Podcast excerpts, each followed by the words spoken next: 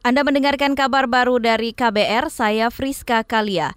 Saudara Komisi yang membidangi pemberdayaan perempuan DPR akan melanjutkan pembahasan rancangan Undang-Undang Penghapusan Kekerasan Seksual atau RUU PKS. Wakil Wakil Ketua Komisi 8 Aceh Hasan Syahdil mengatakan pembahasan akan dikonsultasikan ke pimpinan dan anggota komisi sembari mendengarkan pandangan dari anggota komisi baru. Tentu nanti kita akan dengarkan pandangan dari anggota-anggota baru gitu ya terkait dengan apakah pembahasannya eh, akan diteruskan pada level apa dan substansinya nanti dibahas pada bagian mana. Wakil Ketua Komisi yang membidangi pemberdayaan perempuan Aceh Hasan memastikan pembahasan RUU PKS tidak akan dilakukan dari awal. Ia beralasan pada pembahasan periode sebelumnya RUU PKS telah melalui tahapan tim perubus. Saat ini masih ada tiga poin yang masih menjadi perdebatan dalam RUU PKS. Ketiga poin yang menjadi perdebatan yakni penentuan judul terkait definisi dan soal pemidanaan.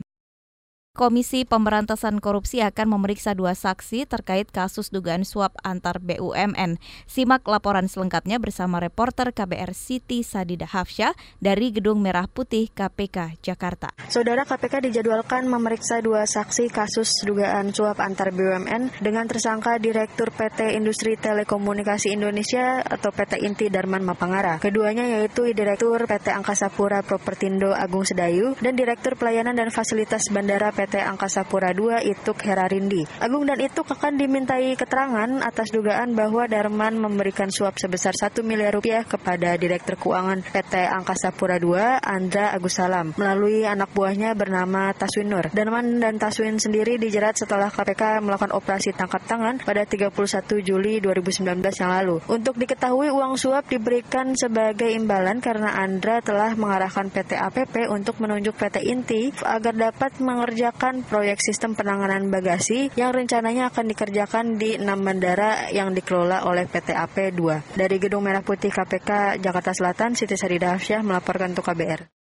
Beralih informasi selanjutnya, Badan Pusat Statistik BPS mencatat tingkat pengangguran terbuka mengalami penurunan di Agustus 2019. Kepala BPS Suharyanto menyatakan dari 133 juta lebih angkatan kerja, 126 juta lebih bekerja dan 7 juta lebih orang menganggur. Lulusan SMK masih menjadi penyumbang pengangguran terbesar hingga Agustus 2019 bulan Agustus 2019 ini tingkat pengangguran terbuka adalah sebesar 5,28 persen. Bahwa tingkat pengangguran terbuka yang paling tinggi adalah mereka yang berpendidikan SMK. Tetapi kalau kita lihat trennya dari waktu ke waktu juga menunjukkan penurunan. Sehingga pada bulan Agustus 2019 ini persentase pengangguran yang berpendidikan SMK adalah 10,42 persen. Kepala BPS Soharyanto mengatakan jumlah pengangguran perempuan lebih rendah dibandingkan laki-laki dengan tingkat pengangguran terendah mendapat pada penduduk berpendidikan SD berbanding jauh dengan SMK. BPS juga mendorong pemerintah untuk perbaiki kurikulum di SMK agar sesuai dengan kebutuhan industri saat ini. Saudara kita menuju ke Papua. Anggota DPR Papua Daerah Pemilihan Kabupaten Jayawijaya, Memberano Tengah, Nduga, dan Lanijaya, Emus Guijage mengatakan sebagian besar siswa SMA di kota Wamena, Kabupaten Jayawijaya belum bersekolah karena takut menjadi korban salah tangkap pasca demonstrasi rusuh akhir September lalu.